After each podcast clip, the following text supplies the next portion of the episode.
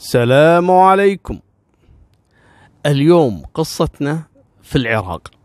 البلد الجميل البلد اللي يحمل الحضارات والتاريخ.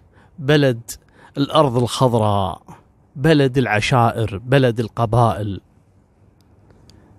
على فكرة كثير يعتقد أن يعني أنا ككويتي مثلا أو الكويتيين ممكن لهم موقف من العراق وهذا كلام غير صحيح؟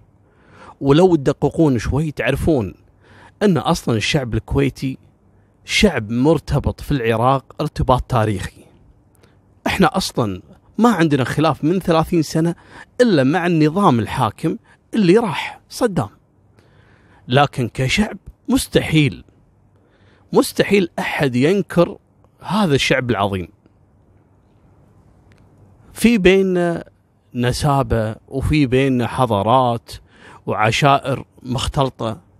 ترى العشائر الموجودة في العراق هي نفسها اللي موجودة في الكويت هي نفسها اللي موجودة في السعودية هي نفسها اللي موجودة في سوريا. قبائل وعشائر كانت تترحل يعني. تعيش فيها الأرض ولا تعيش فيها الأرض يعني لهم امتداد تاريخي. لذلك يعني حبنا للعراق لا زال مستمر بفضل رب العالمين يعني دولة الكويت والكل يشهد إنها من أول الدول اللي دعمت العراق بعد سقوط صدام.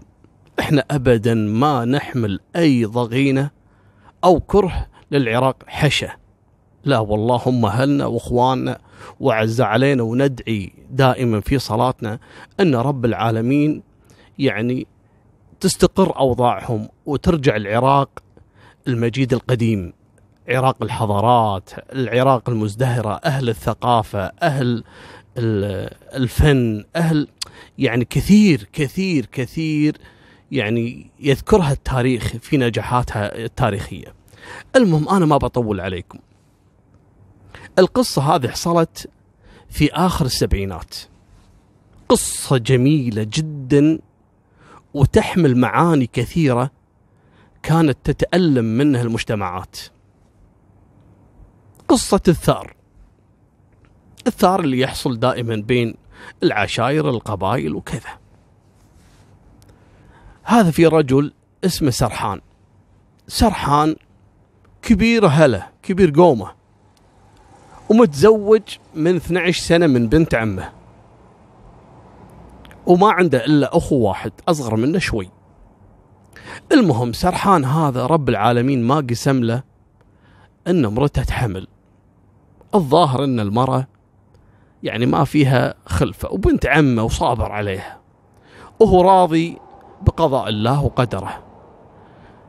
رجل أجودي راعي خير راعي فزعة الكل يحبه بقبيلته وجماعته حتى القبائل الثانية تكله كل احترام وتقدير. لكن في نفس الوقت رجل صارم وشديد بالحق. وهذه ترى صفات الرجل الشجاع الفارس فعلا إنه لين وشديد. مالكم بالطويلة ويجي يوم اللي تحصل فيه الكارثة اللي ما كان متوقعها أحد. ويتوفى أخو سرحان اللي أصغر منه أخوه الوحيد. ليش توفى؟ أذبح واحد من عيال الشيوخ. واحد ينقال له جبار. وهذا ولد أحد أكبر الشيوخ اللي موجودين في العشائر اللي حوالين عشيرة سرحان. كانت بينهم علاقات وكذا. وحصلت المصيبة. أخو سرحان كان صاحب جبار ولد الشيخ وبينهم تجارة وكذا وسرحان شغال في آه، نقل البضاعات من آخر السبعينات عنده نفس السكس ويل اللي هو الشاحنة يعني ويشيل فيها البضائع وينتقل فيها إلى سوريا ومن سوريا إلى السعودية ومن السعودية للكويت أخوه كذلك لكن مشارك ولد الشيخ اللي ينقال جبار. حصل بينهم خلاف ويقوم جبار ويقتل أخو سرحان. صارت الطامة. انقلبت الدنيا وكذا وعلشان يحقنون الدماء قام الشيخ وسلم ولده جبار للسلطات. قالوا محكموا عليه ولا انه يذبحه سرحان. سرحان هذا نعرفه رجل شديد وما حد يقدر له. صحيح إنه طيب لكن ما يرضى في الغلط وهذا أخوه. أنا متوقع إنه يذبح ولدي جبار. فأنتم خذوه احكموا عليه ولا انه يروح دمه بإيد سرحان. وفعلا ذاك الوقت سرحان كان في حالة هستيرية وانجن عليهم وقال أنا ذابحة ذابحة. المهم والناس تهدي أذكر الله يمكن حصل خطأ خلينا نشوف السالفة. قال خطأ ولا مو خطأ؟ ذبح أخوي أذبحه. إن شاء الله يكون منه.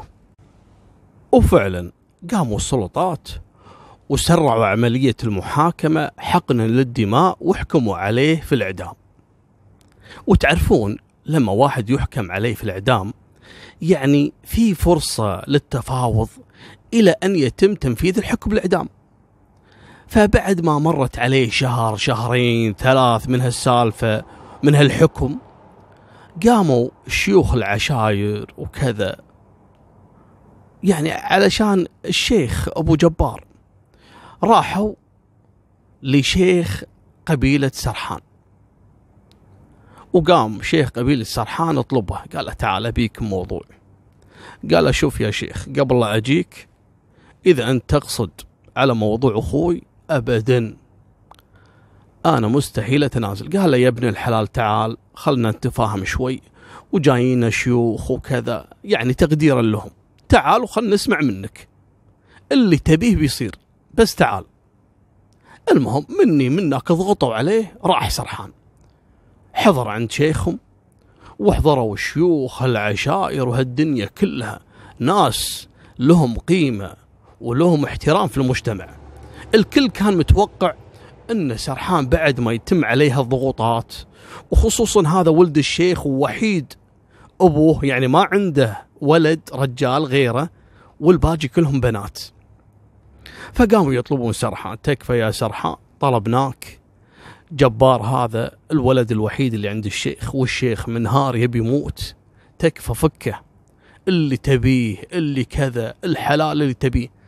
طبعا الدية معروفة. يا بالفلوس والسلاح والحلال ولا راس براس. ذبح أخوي أذبحه وانتهى الموضوع. قالوا له ما نبيك تأخذ دمك من جبار. نبي اللي تبيه فلوس نبيع حلالنا وبيوتنا ومزارعنا كلها وسلاحنا كله. نحطه عندك يا سرحان بس فك جبار ولد الشيخ. قال والله أبد. ماني فاكه ولو إنهم يطلعونه لاذبحه ثاني يوم. العوض بالمال للبهايم ما هو للبشر. الله أكبر. قال لا يبا. تعوضوني بفلوس؟ لا لا لا لا. العوض هذا تعوضني إذا جبار ذبح لي ناقة ذبح لي خروف ذبح لي شيء. لكن ما تعوضني بفلوس عن أخوي. مستحيل. أنا أبي راس جبار. الله يهديك يرضيك تكفى يا سرحان. قال لا والله أبد. عنيد وراسه يابس. المهم وراحوا شيوخ. تعبوا هم يكلمونه تعبوا هم يجون أهل جاهيات مصمم سرحان إنه ياخذ دم أخوه. ورجعوا. قالوا خلوه يهدى شوي يمكن المهم كل شهرين ثلاثة يجون كل شهرين ثلاثة ضغوطات عليه من كل مكان. ما خلوا شيخ عشيرة ما خلوا شيخ قبيلة ما خلوا شخص له مكانة إلا جابوه عند سرحان ويرفضه. المهم يبقى على المحاكمة أسبوع. خلاص يبي يقصون أرقبة جبار. انتهى الموضوع. جبار. قلنا ما عنده اخوان شباب عنده بنات خوات. اكبر خواته وحده ينقال لها سعاد. سعاد يضرب فيها المثل بجمالها برقتها بنت خير بنت نعمة بنت شيخ. تقول لي يا أبو طلال الحين كل قصصك فيهم جميلات. أنا بسألكم سؤال. بحياتكم سمعتوا عن وحدة اسمها سعاد ما هي جميلة؟ إذا ما هي جميلة بشكلها جميلة بأخلاقها. إذا مو جميلة بشكلها جميلة برقتها. جميلها بأسلوبها. جميلها بقلبها. ما هو شرط الجميلة تكون جميلة شكل. لما أقول لك جميلة فيها شيء جميل. مالكم بالطويلة. وتقوم سعاد بعد ما شافت خلاص أخوها بينعدم ما بقى وقت وتحط عبايتها على راسها وتروح عند شيخ قبيلتها اللي هو أبوها يا يبا. وتدخل عليه قدام الناس وهالعالم اللي قاعدة عنده يجونه يوميا بالليل ويلطمون وحالتهم حالة وزعلانين. خلاص ما بقى إلا أسبوع وينعدم أخوها. وتدخل على ابوها الشيخ. وهالوجيه قالت أنا بوجيهكم كلكم. لا حول ولا إلا بالله. يفز أبوها. إيش فيك يا سعاد؟ علامك عسى ما شر. قالت أنا بوجيه. هالشيوخ اللي قاعدين عندك يا يبا كلهم؟ أنكم توقفون بيني وبين أبوي. استغرب. عسى ما شر يا سعاد. علامك تكلمي تفضلي. قالت تقول لي تم. قال لها تم. قالت أنا بفدي أخوي جبار. لا حول ولا قوة إلا بالله. أنتم تدرون هي إيش تقصد؟ هي تقصد الدية الثالثة. شنو الدية الثالثة؟ يعني لا هي راس براس يعني دم بدم ولا هي دية الفلوس والحلال والسلاح. في دية ثالثة. لكن هذه الدية من أصعب الديات قشر أعوذ بالله. هذه يسمونها دية الرحى. دية الرحى يعني شنو يا أبو طلال؟ تعرفون الرحى؟ أول يستخدمون الرحى نفس الصخرة وفوقها صخرة ثانية على شكل دائري ويفرونها. يسوونها مثل الدائرة كذي يفرونها ويحطون فيها الحبوب عشان تطحن الحبوب وتسوي نفس الطحين. يسمونها الرحى. دية الرحى هذه لأنها تطحن العائلة بالكامل نفسيا والسمعة وتصير مأساة مو طبيعية. يسمونها رحى تطحنهم طحن. لكنها تفكر قاب. شلون؟ قالت أنا أفدي أخوي جبار دية الرحى. قام أبوها مسكين ينزل رأسه ومتضايق لكنها ممكن تفك ولده جبار. قاموا شيوخ العشاير. قالوا له يا شيخ أنت إيش رأيك؟ قال والله أنا والله ما أدري. سرحان يوافق. يوافق على شنو؟ أنا أقول لكم. هي يوم قالت أنا فديه دية الرحى تقصد أن يتزوجها سرحان يعني أخو المقتول يتزوج أخت القاتل اللي هي سعاد. وكان عندهم عرف أنه ياخذ أخت القاتل ويتزوجها وتقعد عندهم في البيت مثل الخادمة أو العبدة يعني. يستعبدونها عبادة لين رب العالمين ييسر. إما أن تجيب له ولد ويعتبر الولد هذا مكان أخوه ويقوم يطلقها وياخذ الولد منها ويقول له يلا أرجع لأهلك. وكل ما تجيب بنت تقعد. يعني لين تجيب له ولد مكان أخوه. لكن هو ما يعتبرها زوجة يعتبرها مثل الماكينة. عنده عبدة إن جابت له ولد يعتقها. ما جابت له ولد تبقى على ذمته خادمة عبدة سواء بنت شيخ ولا بنت منه دام أخوها قاتل. طبعا صعبة جدا لكن الشيخ صار بين نارين يفرط بنته وينقذ ولده. ولا يترك ولده يموت الوحيد. وبعدين هذا يبقى زواج. وهذا يحقن الدماء لكن نادرا ما يحصل.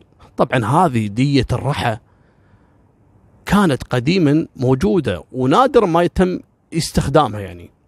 لكن الحين طبعا انتهت. المهم ويقومون الناس الشيوخ اللي متجمع عند أبو جبار الشيخ ويروحون لسرحان. قالوا له يا سرحان تقبل بدية الرحى انصدم شوي هو. لأنها صعبة يعني ما أتوقع إن أحد يعرض عليها العرض يعني. لكنها تشفي غليلة لما يأخذ بنت الشيخ اللي ولده قاتل أخوه قدام الناس. يعني شوي الناس تقول يعني انه اخذ حقه. شيء ثاني ما يعتقها لين تجيب له ولد ويعتبر الولد هذا مكان أخوه. لكن يعني ما تقبل في البداية رفض قال لا.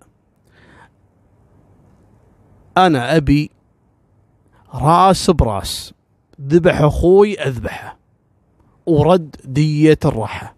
قال ما أبي حتى بنتكم ما أبيها. طبعا إيش قصته سرحان؟ ليش ما قبل؟ بنت شيخ. وحل يعني مقبول. وش يبي فيه؟ إذا حين مثلا ذبحوا جبار إيش راح يستفيد؟ لكن لما ياخذ حقه بهالصورة هذه ياخذ حقه وزيادة. سرحان كان مضغوط عليه من امرته اللي هي بنت عمه اللي متزوجها صار له 12 سنة وما جابت له عيال كانت خايفة ما تبي يتزوج عليها. وتقول له لا وكذا حق أخوك لا يروح. هي شيطانة ما تبي ياخذها. لكن بعدين جتها أم سرحان. قالت له تعالي تكلم زوجة سرحان. قالت له شوفي بقول لك شيء. أنت صار لك 12 سنة متزوجة سرحان وما جبتي له عيال ترى سرحان يمكن بأي لحظة يتزوج عليك. لكن لو خليتيه ياخذ بنت الشيخ عوض عن أخوه وراح ياخذ منها الولد ويطلقها. أفضل لك أنت يعني أحسن ما يروح يتزوج عليك وحده وتقعد عندنا طول العمر. خليه يتزوج ويجيب منها ولد ويطلقها. منها حنا استفدنا ان جاها عيال ومنها خذينا حقنا. فكرت فيها؟ قالت والله صح. وتروح تكلم سرحان. قالت له يا سرحان أنا بسك سؤال. قال لها شنو؟ قالت لو إني أستمر يعني كم سنة وما جبت عيال مثلا تتزوج علي؟ قال لها والله ممكن صراحة لأن أنا أبي عيال صراحة وأنت يمكن العيب منك. قالت الزينة بقول لك شيء خلاص تزوج بنت الشيخ واقبل دية الرحى وهي ترى راح تجينا عبدة عندنا. خادمة. وإن جابت لك الولد اعتقها. منها يصير عندنا ولد ناخذه؟ ومنها ناخذ حق أخوك.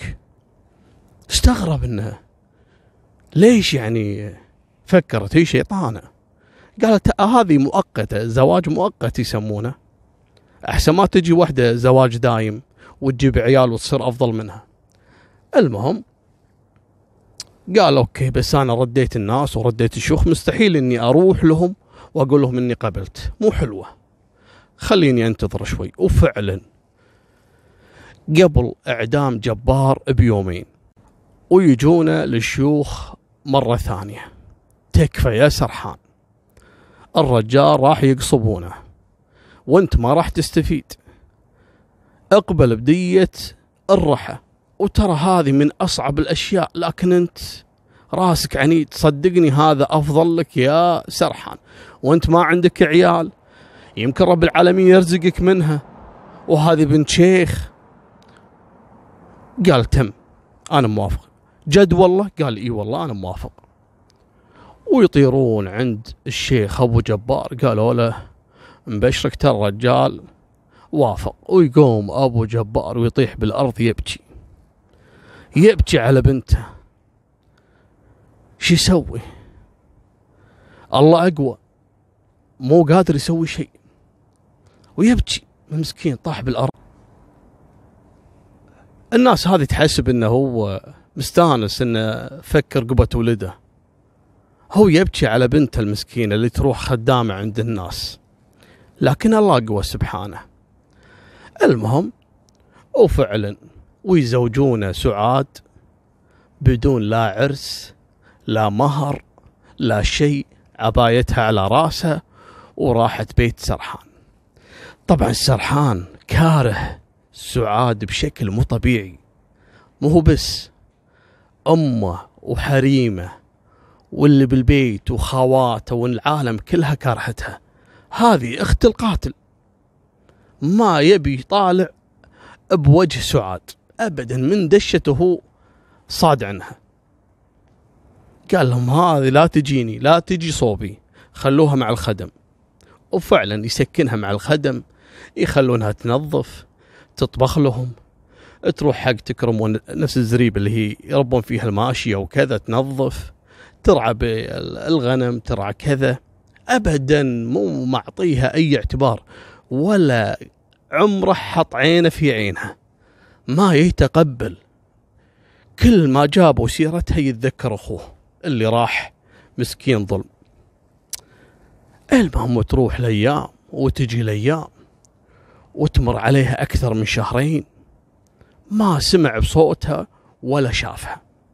عايشة عنده اسمها مرته بس.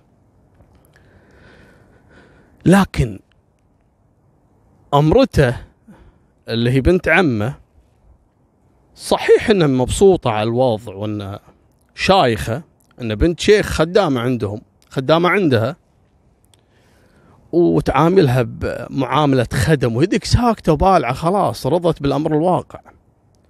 ولا ترفع عينها ولا تكلمها. تقول حق مرت سرحان تقول لا يا عمتي يا عمتي. المهم لكن أم سرحان ما هي متقبلة سعاد بالمرة لا خدامة ولا عبده ولا زوجة. ما تحب تشوف كل ما تجيب لها أكل تقعد تهينها وتسبها وتغلط عليها وكذا. تشوف ولدها المسكين اللي مات. لكن هذه ما لها ذنب سعاد. ويحرمونها إنها تزين ابدا. ما تمشطين شعرك ما تحطين يعني نفس المكياج. أول ما أدري شلون مكياجهم ديرم وعلك ماي الظاهر. هذا لا تحطينه. خليه كذي يعني. لكن يقول لك رغم إنها ما تزين ولبسها تعبان وشكلها تعبان مسكينة وما تمشط إلا إنها أجمل وحدة في عائلة سرحان. يخشونها ما يخلون سرحان يشوفها. لكن الأم تبي تفتك من رقعة وجهها.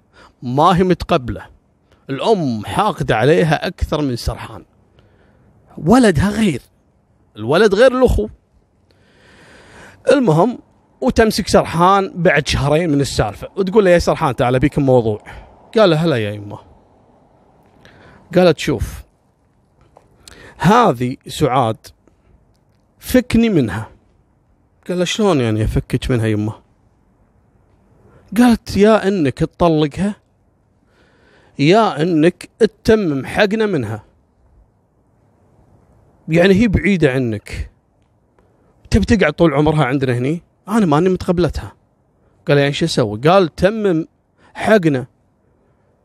شلون يعني؟ يعني ادخل عليها. يا مال الدخله ادخل عليها. أدخل عليها. أدخل عليها. وجيب منها ولد.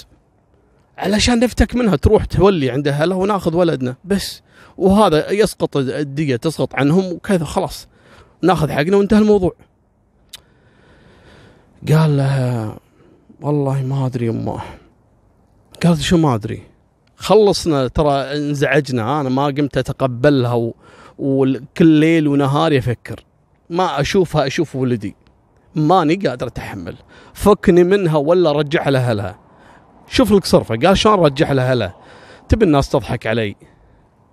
قالت أجل ادخل عليها وهي زوجتك. وشوف رب العالمين يمكن يجيب لك منها عيال. قال أوكي طبعا ماتت هذه زوجته. قال لما تولين أنت. إحنا أجل ليش قبلنا بالدية هذه؟ عشان أجيب منها عيال. المهم وليلتها. ويزينوها ويدخلونها عنده. يوم شاف سعاد لا إله إلا الله. قال أنت سعاد؟ وهي طالعة وساكتة. قال أنت صار لك الحين عندنا هني شهرين؟ قالت إيه؟ قال لا حول ولا قوة إلا بالله. هالجمال وهالطول وهالشكل وهالعين. تشتغلين خدامة عندنا؟ عاد هو بينه وبين نفسه يقول انت خدامة عند مرتي هذه السحت الثاني أنا مالي شغل هو اللي يقول. المهم وينقهر. قال سبحان الله. لكن شوي راحت على قولتهم السكرة وردت الفكرة وتذكر أخوه. قال له خلاص خلاص قاعد ونثبري خلاص ما تقبلها أول ليلة ثاني ليلة. بعدين صارت يعني مشى الأمور. وجمالها أخاذ. نساه حتى أخوه. وهي ما لها ذنب هو عارف إنها ما لها ذنب. لكن يعني سبحان الله هذا اللي حصل. مالكم بالطويلة. ويستمر معاها تغريب الشهر. ويجي اليوم اللي رجال يبي يترزق الله عنده شغل.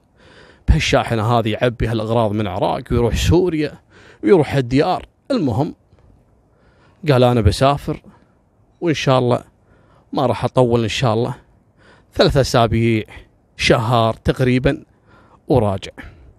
يلا يا ما تبين شيء لا يبغى الله يحفظك. مع السلامة. يوم طلع قالوا لها تعالي اطلع انت اطلعي. يلا روحي عند الخدم. خلاص ما لك حاجة لين يرجع سرحان. وراحت المسكينة. المهم ويقوم سرحان ويسافر. يترزق الله يروح مني يغط له أسبوعين ثلاث. ويروح لم يعني ترزق الله الرجال. المهم بعد شهر ويرجع سرحان. يوم رجع سرحان ونزل دخل البيت. ولا تجي همه تركض. تحبب فيه وتبوس وخواتي يلتمون عليه. وجماعته إيش فيكم عسى ما شر؟ إيش صاير؟ مبروك ترى مرتك حامل. ما شاء الله بعد 12 سنة قال لا مو الأولى. الثانية بنت الشيخ حامل. قال إيه الحمد لله. لكن يوم قالوا له إنها حامل صكت فيه الدنيا وما حب يبين لحد. شو السالفة؟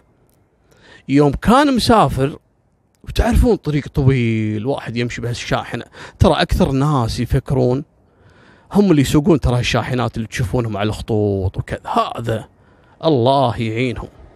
خصوصا لا كان يسافر بروحه بهال بهالظلام بهالخطوط الطويلة تسحب معاه يوم يومين من ديرة لديرة من دولة لد...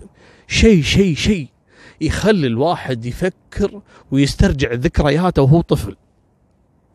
هذا سرحان. يوم سافر العادة كل ما يسافر يتذكر موتة أخوه يتذكر مشكلته إنه ما عنده عيال يتذكر أهل أمه مثلا.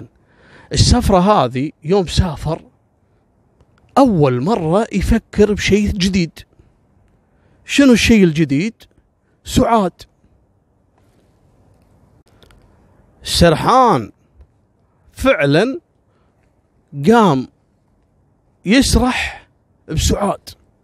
الشهر اللي قعد معاها حس إنها بنت جميلة دخلت قلبه. بنت يعني بنت شيخ متربيه عدل. لا ونعم. كل الناس متربية. أنا أقصد يعني متربية على العز والدلال. تفهمتون شنو أقصد؟ فدخلت قلبه وجميلة البنت. وأحس إنه حرام هالجمال هذا يعني يعني مستعبدينها و يعني يقول يا ريتني يعني شايفها بغير هالظروف. يعني ما فيها لا موتة أخوي ولا دية ولا كذا ومتزوجها يعني زواج يعني طبيعي. لكن سبحان الله اللي حصل. ويفكر فيها ويفكر بالأيام اللي قضاها معاها. يوم رجع البيته رجع ملهوف يبي يشوف سعاد. لكن انصدم يوم قالوا له انها حامل. حامل معناته إنه شنو؟ خلاص ممكن تجيب له ولد. وإن جابت له ولد خلاص الولد صار براسه براس أخوه انتهى الموضوع. تسقط الدية وترجع لاهلها المهم ما قال لهم إنه متضايق وكذا. قال لي زين بس دير بالكم عليها. ما يقول لهم يعني إني أنا حنيت. لا لا دير بالكم عليها يمه لا تخلونها عند الخدم. خلاص خليه أعطيها الغرفة هذه الدار وخلوها ترتاح عشان حامل. أهم شيء اللي في بطنها. هم ما يدرون أهم شيء اللي اللي شايل البطن. المهم وفعلا قاموا يخفون عليها ما حد يغلط عليها ما حد كذا ويراعونها شوي. وزوجته تقول لها ها آه والله كأنك انت بديت آه، تحن. قال لا والله لا يا بنت الحلال إيش فيك أنت؟ ترى هذه زوجتي شرعا لكن ترى حامل المرأة يعني خلي عندك شوي إنسانية. إن جابت الولد إحنا ما نبي منها شيء. صح ولا لا؟ هذا الاتفاق ترى. ومهما كان هذه بنت أجاويد يعني. صحيح إنه حصل خطأ بيننا. لكن بتبقى بنت شيخ وبنت أجاويد يعني. خلاص حنا نبي شنو؟ نبي الولد. إيش نبي فيها نعذب فيها؟ سكتت زوجته. زوجته خايفة. المهم مالكم بالطويلة. وفعلا. ويجي اليوم اللي تبي تولد فيه سعاد. ويجيبوا له الداية طبعا أيام الحمل. ويشوف سعاد هي تروح وهي ترد. قام يطالع عاد هو قام ينتبه. وبطنها كبيرة وتعبانة وتكسر خاطرة. لكن وهي حامل أجمل وهي بدون حمل. الرجال كل ماله يتولع فيها. لا تلومونه زوجته يا جماعة. مالكم بالطويلة ويجي اليوم الولادة ويجيبوا لها الداية علشان تولدها. وقاعد سرحان وأمه وزوجته ناطرين متى تولد يعرفون شنو اللي في بطنها لكنهم شاكين إن البطن كبيرة. يمكن فيها توم. والعلم عند الله قبل ما يعرفون يعني مرات يصيدونها. ترى العجز اللي قبل يعرفون المرأة سبحان الله. لكن الأغلب إنها فيها توم. هو شي يقول؟ يقول يا الله إنها تجيب بنات. أبي بنات منها يجوني بنات ومني إني ما أعتقها. أخليها عندي لين عاد أرتب الأمور وأخليها تستقر. أشوف لي حل. ما هو قادر يفارقها. وتولد سعاد. وتطلع الداية وأمه يركضون يحبون فيه مبروك مبروك. بشروني. بقلبه يقول تكفون لا تقولون ولد. قالوا نبشرك. جاك ولد وبنت. لا حول ولا قوة. يا قول ما شاء الله. قول الحمد لله. لكن سبحان الله في أحد ما يتمنى؟ 12 سنة ما جاء عيال. لكن هالمرة يقول الوحيد اللي ما تمنيت إنها تولد. أبيها هي أبيها. جوها عيال قال الحمد لله. قال خلنا أشوف لي طريقة ثانية. خلني أقول لهم يعني أول ما جوه العيال وهم يبشرون وكذي قاعد تعرفون واحد مرات بخمس دقائق يفكر تفكير ثلاثين سنة. يستجمع كل الذكريات الشريط يمر بسرعة. فكر فكرة قال بقول لهم نعرض عليها أنها لين ترضعهم تفطمهم بعدين تروح لأهلها. ليش نستعجل؟ ومنها انه يصير خير يعني يمكن تنحل الأمور أشوف لي طريقة وكذا. بعد ساعتين ولا سعاد قايمة من فراشها وطالعة من الغرفة تسند على الطوف على الحيط. تسند وتمشي شوي شوي وعبايتها على راسها. وتطالع سرحان وأمه وخواته وزوجته واقفين مستانسين. المهم يلتفتون عليها. كانت تقول لهم لكم الولد ولي العوض والوجه من الوجه أبيض. السلام عليكم. وتترك البيت وتروح لأهلها. لا حول ولا قوة. سرحان يبي يموت. لكن ما يقول شيء. مو بكيفه. هذا حكم عادات عرف. المرة خلاص فك رقبتها وراحت بيت أبوها. المهم تجي عند أبوها أبوها يحضن فيها. ويبكي. سامحين يا بنتي وكذا. وأخوها يجيها ويبوس رجولها وكذا. ليش سويتي كذي؟ ليش؟ لو خلتني ميت في السجن أحسن لي لو عادميني أحسن لي. ولا انك تروحين قالت خلاص الحمد لله خلصت الأمور وكذا. والحين الدين اللي عليك طاح. والله يصبرنا والولد لا كبر يعرف من ما يجي. الله يا سعاد تقولوا لي بعد مو جميلة؟ أفعالها جميلة. عندهم عرف إذا البنت قدمت نفس هدية الرحى بعد ما يتم عدكها وتطيح الدين اللي عليها يقوم يتقدم لها أكبر شيوخ القبائل. تعتبر مطلقة ويتقدموا لها شيوخ وهالتجار اللي أكبرها وأسمنها يتقدم لها. عرفانا لها وتكريما لها وانها فعلا بنت عن ألف رجال اللي تفدي أخوها بنفسها. المهم الكل كان ينتظر سرحان متى يجي ويطلق. وفعلا يومين ويتجمعون الشيوخ الدنيا كلها. الشيوخ عشيرة سرحان وشيوخ القبائل الثانية عند بيت الشيخ أبو جبار. ويجيبون سرحان. تعال يا سرحان خلص الموضوع. وسرحان جاء هو ساكت. ما له عين ولا له نص كلمة يتكلم. ويجيبوا له نفس الطشتة ونفس الإناء. ويحطون فيه دم. دم الخروف هذا. وكل واحد من أهل الدم القاتل والمقتول. كل واحد يحط إيده داخل هالطشت ويطلق سرحان بنت الشيخ. وفعلا حطوا يدينهم وقام سرحان طلق وسقطت الدية وما في ثار بين هالعشيرتين وانتهى الموضوع.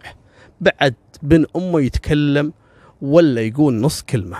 خلاص ترجع العلاقة اللي بينهم طبيعية جدا جدا.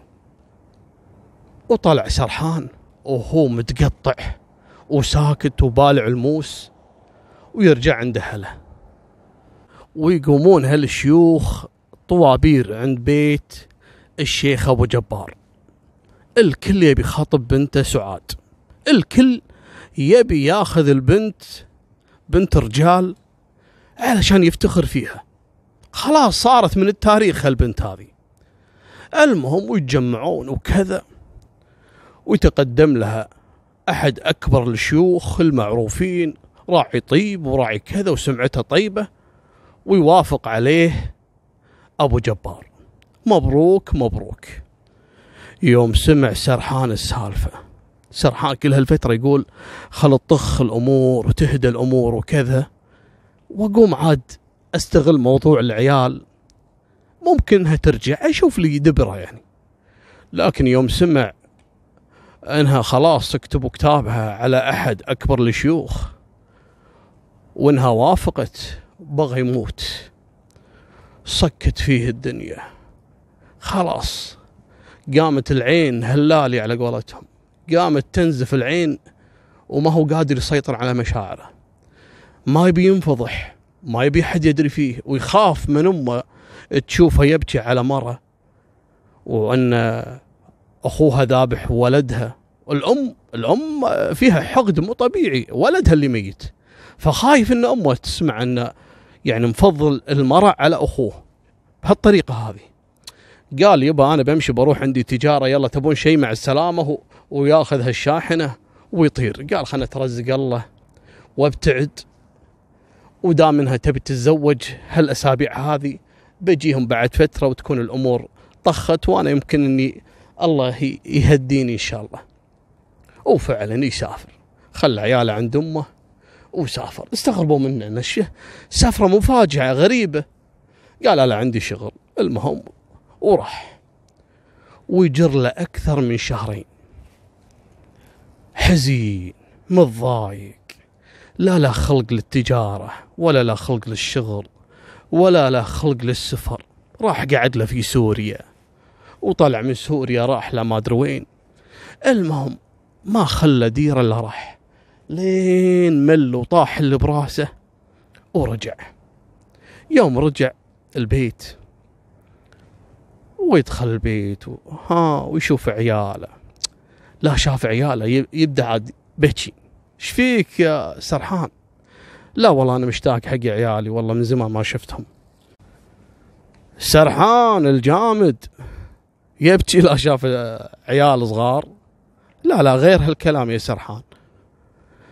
قال لا والله ما في شيء بس أنا متضايق على عيالي وكذا صار لي شهرين وعندي مشاكل في التجارة وكذا. اسكتوا عنه المهم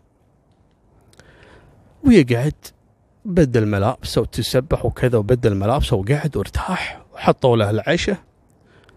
المهم ويسأل يجيب لهم يعني طرف السالفة.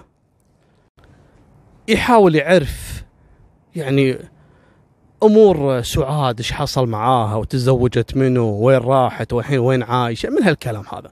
والحريم يعرفون كل شيء. ويسولف في يمه. ها يمه وين راحت هذه الملعونة؟ طبعا هو ما يقصد بس يبي يبين حق امه إنه يكرهها يعني. قالت له منو؟ قال لها سعاد. قالت له ما أقول لك إن هذه وجه نحس. قال لها ليش؟ قالت قبل عرسها بأسبوع أنت يوم سافرت وقبل عرسها بأسبوع ويتوفى جبار ولد الشيخ. تكلمين جد يمه؟ قالت إي والله. توفى ولد الشيخ بحادث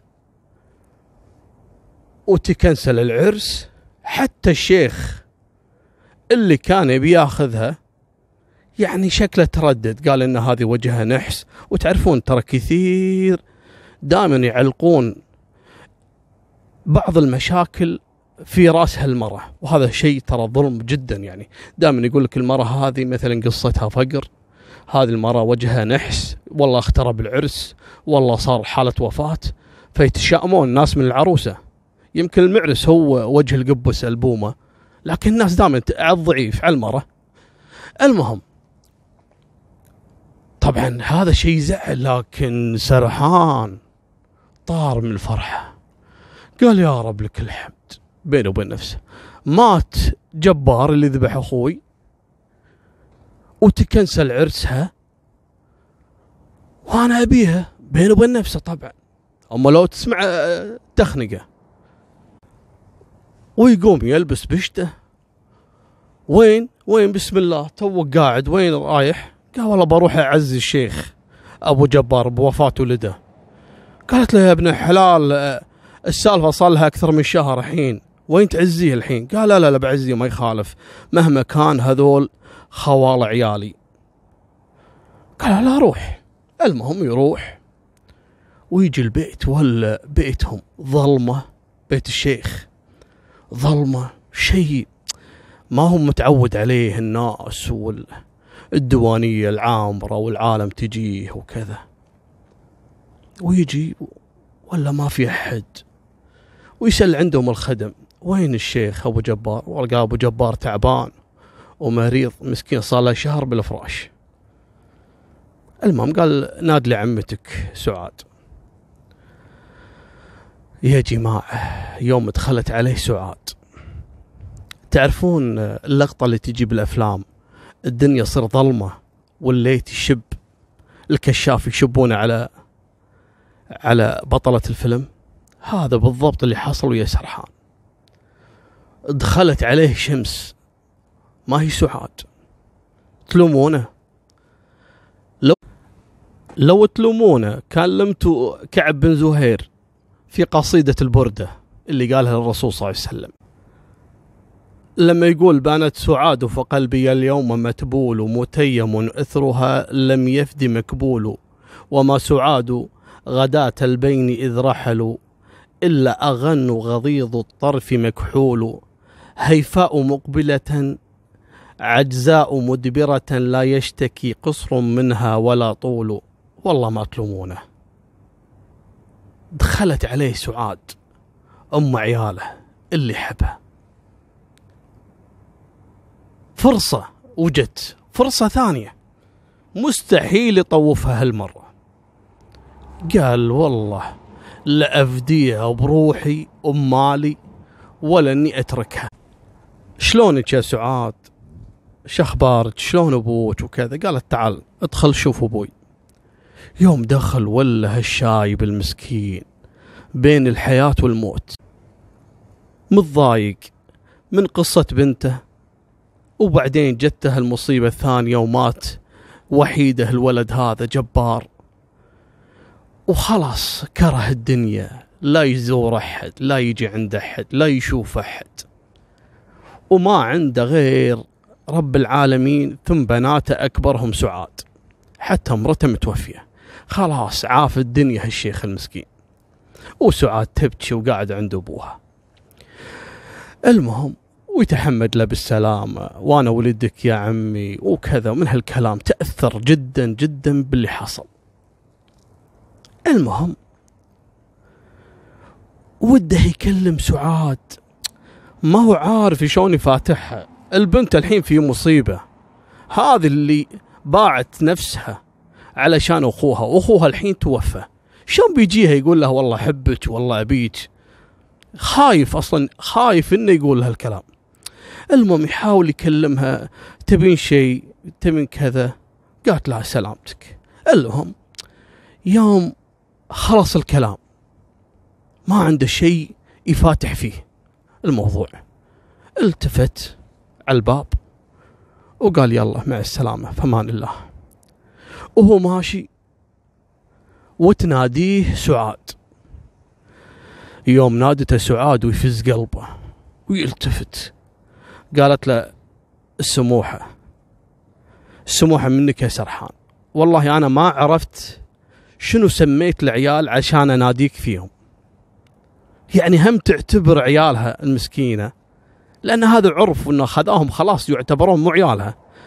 تقول لعيالك ما أدري أنت شنو سميته عشان أقول لك أبو فلان سامحني أني ناديتك باسمك يعني.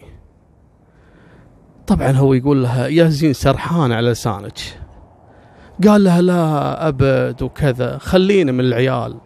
أنت آمريني بس. آمريني لبيه شو اللي تآمرين فيه؟ آمريني. قالت والله أبي منك خدمة. أبوي خلاص يعني على وشك موت. وجبنا له الطبيب اللي عندنا هني في القرية هذه مالتنا العشيرة اللي عندنا. وشكله ما يفهم. وأبوي كل ما له حالته تصير أسوأ. الله يخليك. أنا سمعت عندكم دكتور في عشيرتكم. رجال يعني يقولون ما شاء الله عليه وفاهم وكذا. لو تجيبه لنا الله يخليك يساعد أبوي. قال له من صدق حاضر. من عيوني طيارة. أبشري. ويطلع سرحان طاير. شو اللي حصل؟ ويروح سرحان ويجيب الحكيم. يعالج الشيخ أبو جبار.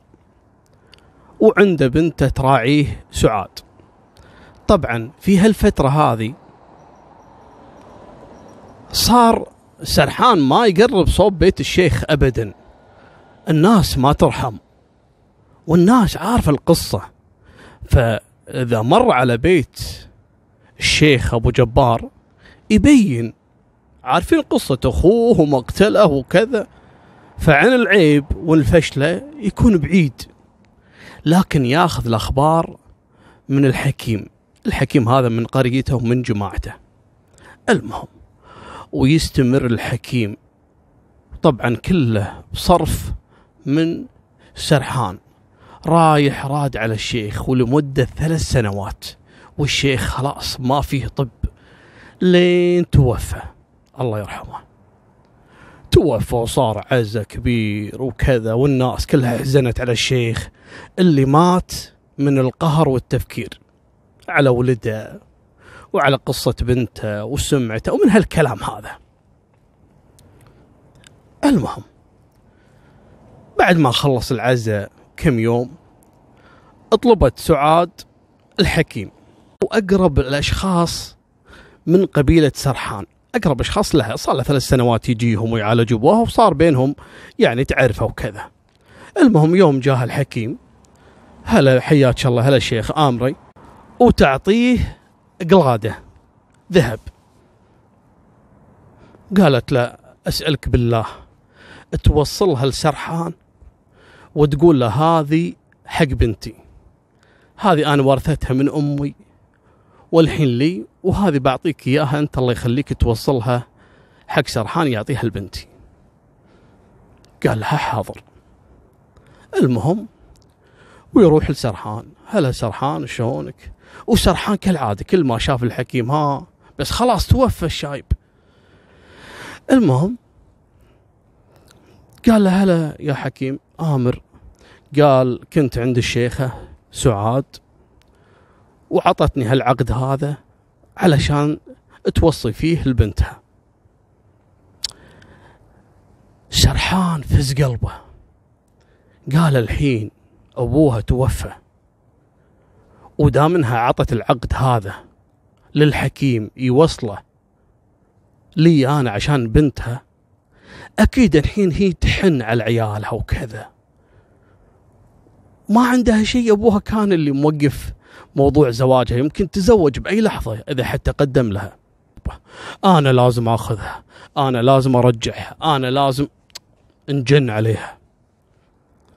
المهم وتجرأ ودخل على أمه قال لها يا يمه أنا ترى بموت. بسم الله عليك يا ولدي إيش فيك؟ عسى ما يا يمه والله بموت. والله ما كلني التفكير. يا يمه ماني قادر أعيش ماني قادر أمارس حياتي. حتى الشغل كرهته حتى نفسي كرهتها إيش فيك يا ولدي؟ عسى ما شر. قالها يمه تكفين تحبيني أنت ولا لا؟ قالت والله أحبك يا ولدي وما عندي غيرك بعد ما مات أخوك. قال لها يا يمه عفيه ساعديني يا يمه قالت شنو؟ والله لو بيدي شيء يا ولدي والله ما تأخر عنك. قول لي بس أنت شنو تبي؟ وأنا أقول لك تم. قال لها أكيد قالت أكيد قال لها احلفي. قالت اي والله يا ولدي. اللي تبيه يتم بس ولا تكدر خاطرك ولا تزعل ولا شيء. قال لها يا يمه أبي سعاد. شنو؟ أبي سعاد. أمرتي أبيها بردها. يوم قال له الكلام وتقوم قيامتها العجوز. انجنت أنت ما تستحي أنت ردي أنت فيك كذا أنت كذا. شلون تأخذ وحدة؟ أخوها ذابح أخوك وبيننا ثار وأنا بعد ما شفى غليلي للحين وللحين ابكي ليل ونهار كل ما تذكرت أخوك وأنت تبي ترجعها تبي تسود وجهنا. والله لا افضحك عند الناس. والله إن سويته تبريت منك. والله لا أسوي فيك وما فيك وك... لا حول ولا قوة إلا بالله. يا هالعجوز اللي طلعت له عرض. تكفين يا يمه تكفين. قالت لا ما في تكفين. قسما بالله لا أتبرى منك وأفضحك فضيحة العالمين. تركها وراح تفكير وقام يسولف للناس وهلا وجماعته وقام يكتب فيها قصايد والعالم كلها درت بحالته. كسر خاطرهم. الرجال قام لا ياكل ولا يشرب.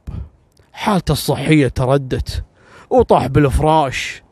يعني استخف الأشعرة الرجال انجن على المرة يبي سعاد. يا ابن الحلال إيش تبي فيها؟ أنت مو عارف القصة يعني ولا شنو؟ يا ابن الحلال الحريم كثير. ما حطيت عينك الحين إلا على هذه. خلاص تركتها وراح الموضوع وانتهت الدية وانتهت المشاكل. لا ترجع لنا المشاكل يا ابن الحلال.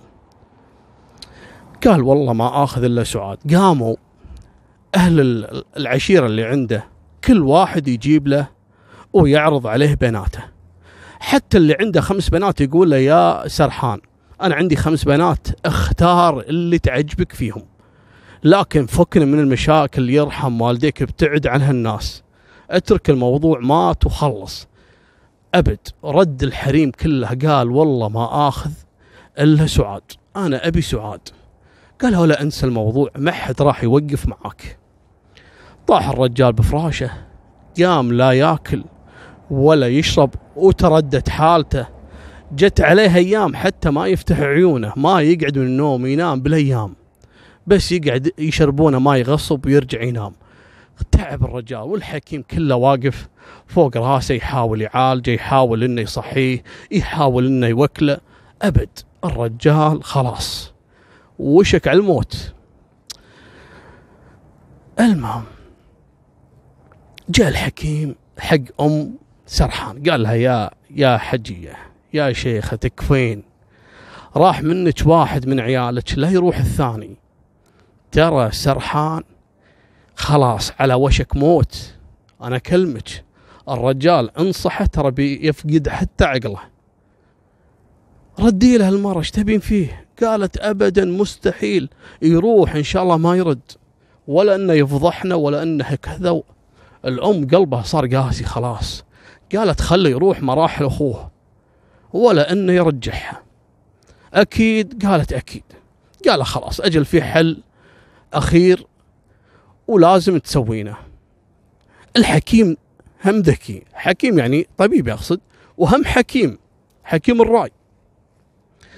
قال لها شوفي هو عارف أن العجيز هذه تموت في التوأم. الولد والبنت عيال سرحان وعيال الشيخة سعاد. تحبهم وخلاص هذا اعتبرتهم مكان ولدها اللي مات وفدوا فيهم. فقال لها شوفي ترى إن مات ولدك تفقدينه وبناخذ منك العيال التوأم تعيشهم امهم خلاص أبوهم توفى. يرجعون عند امهم ترى على فكرة. هذا العرف يقوله. فولدك ترى مات وأنا متوقع إنه راح يموت. إن استمر ابدا ترى ما راح يعيش. وبناخذ منك العيال. أنت ملزومة تسلمينهم. لامهم سعاد ما دام أبوهم توفى. غير هالكلام ترى ما في. يبي يلعب بمشاعر الأم. يوم الأم محسبتها ولدها بيموت واحفادها بيروحون والدنيا بتنقلب وباكر الكل يلومها. قامت تحن شوي. وتروح عند ولدها سرحان. وتحب على رأسه يا ولدي الله يهديك الله يرضيك. غير هالفكرة قال لا والله ما أبي. خليني أموت. ما أبي آكل ما أبي أشرب خلوني هني بفراشي لين أموت. قالت لي خلاص وتروح أم سرحان وتجمع هالحريم وتدخل على الشيوخ وتكفون جيبوا سعاد. نبيها ترجعونها لولدنا. مني مناك حب وخشوم وسعاد تبي عيالها أبوها مات. واخوها مات. ما عندها إلا اخواتها وتبي رجال وتعرف سرحان رجال. سبحان الله. ويلين قلبها وقالت منها أرجع لعيالي. ومنها سرحان أصلا رجال ونعم. وفعلا ويرجعون سعاد على ذمة سرحان ويقوم يصحصح مثل الحصان. ما كان يمثل لكن ردت روحه. سبحان الله. تقولوا لي يا أبو طلال شلون؟ موضوع الطلاق. معين أنا ماني عارف طلقة أولى طلقة ثانية طلقة البائنة. هذا ما هو موضوعنا. ردت سعاد. وصحى سرحان. وصار هو اللي راعي البيت كله. بيت الشيخ أبو جبار. ويساعد هالبنات اللي باقي عليهم لين تزوجوا. وسبحان الله الله أغناه فوق غناه. وكبروا عياله. وانتهت القصة. على خير والحمد لله. وهذه كانت نهاية سالفتنا. وفمان الله مع السلامة.